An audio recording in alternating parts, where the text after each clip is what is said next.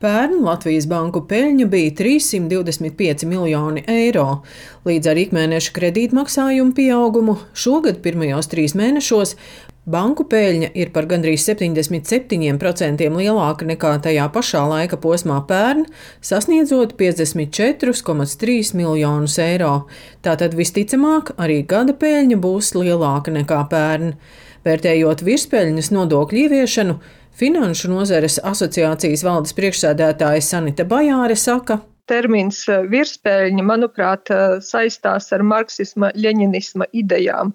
Un šīs idejas vairāk rūpējās nevis par to, kā izveidot tādu biznesa vidi, kur visi uzņēmumi spēj attīstīties un pelnīt, bet drīzāk meklē kādus uzņēmumus, kuriem ir peļņa, lai to peļņu atņemtu un pārdalītu. Un otra lieta, mēs esam ļoti atkarīgi no ekonomikas attīstības cikliem, tāpēc arī faktiski šos rādītājus nekad nedrīkst skatīties gada griezumā. Un, ja mēs paskatāmies uz Latvijas banku nozari, pieņemsim no 2000. gada, tad šajā 23 gadu periodā banku vidējā peļņa ir bijusi apmēram 125 miljoni gadā, kas veido kapitāla atdevi 5,7%, kas uzskatāms par zemāku rādītāju salīdzinot ar citām nozarēm.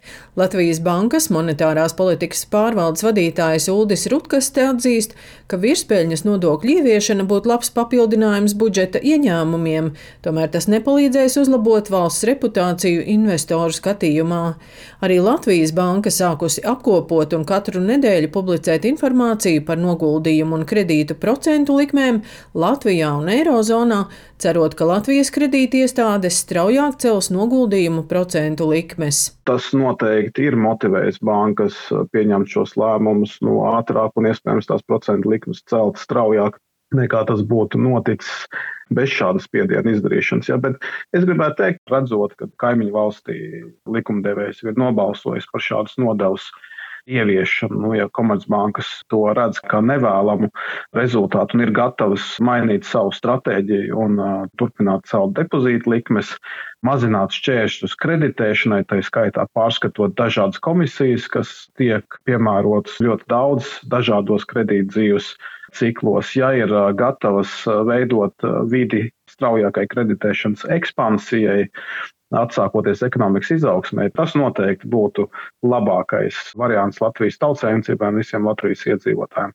Savukārt, ja nē, nu tad, protams, viss ir valdības rokās, un, un valdība, kā jau Lietuvā, teiksim, mēs esam redzējuši, valdībai ir iespējas lēmt arī par šādu nodevu ieviešanu. Finanšu ministrs Arvils Ašerādens stāsta, ka ministrija rūpīgi seko procesiem Lietuvā, bet gan Igaunijas bankas vadītājs, gan Eiropas centrālās bankas vadība neatbalsta speciāla banku nodokļu iekasēšanu. Par konkrētas nodevas ieviešanu mēs nedomājam, bet to tomēr ir paredzēts skatīt arī tā saucamā nodokļu pārskatīšana izmeklēšanas grupā, un tāda alternatīva es Latvijā neizslēdzu. Šobrīd tā taktika mums ir izvēlēta cita. Tātad mēs mēģinām bankas pierunāt, mainīt savu uzvedības stratēģiju, uzlabot gan kreditēšanu, gan iespējas noguldīt. Papildus arī valsts kasa šobrīd tirgo krāju obligāciju. Mēs jau esam augšā pie 4% likmes un ir pārdotas par 70 miljoniem šīs obligācijas. Mēs redzam arī, ka bankas sāk mainīt savu uzvedības modeli. Katrā ziņā pirmais sarunu rauns ir iziets ar bankām un mēs plānojam plānojam otru sarunu raundu. Pēc sarunu otrā raunda arī tiks lemts, vai banku nodoklis Latvijā ir nepieciešams vai nē. Daina Zalamane, Latvijas radio.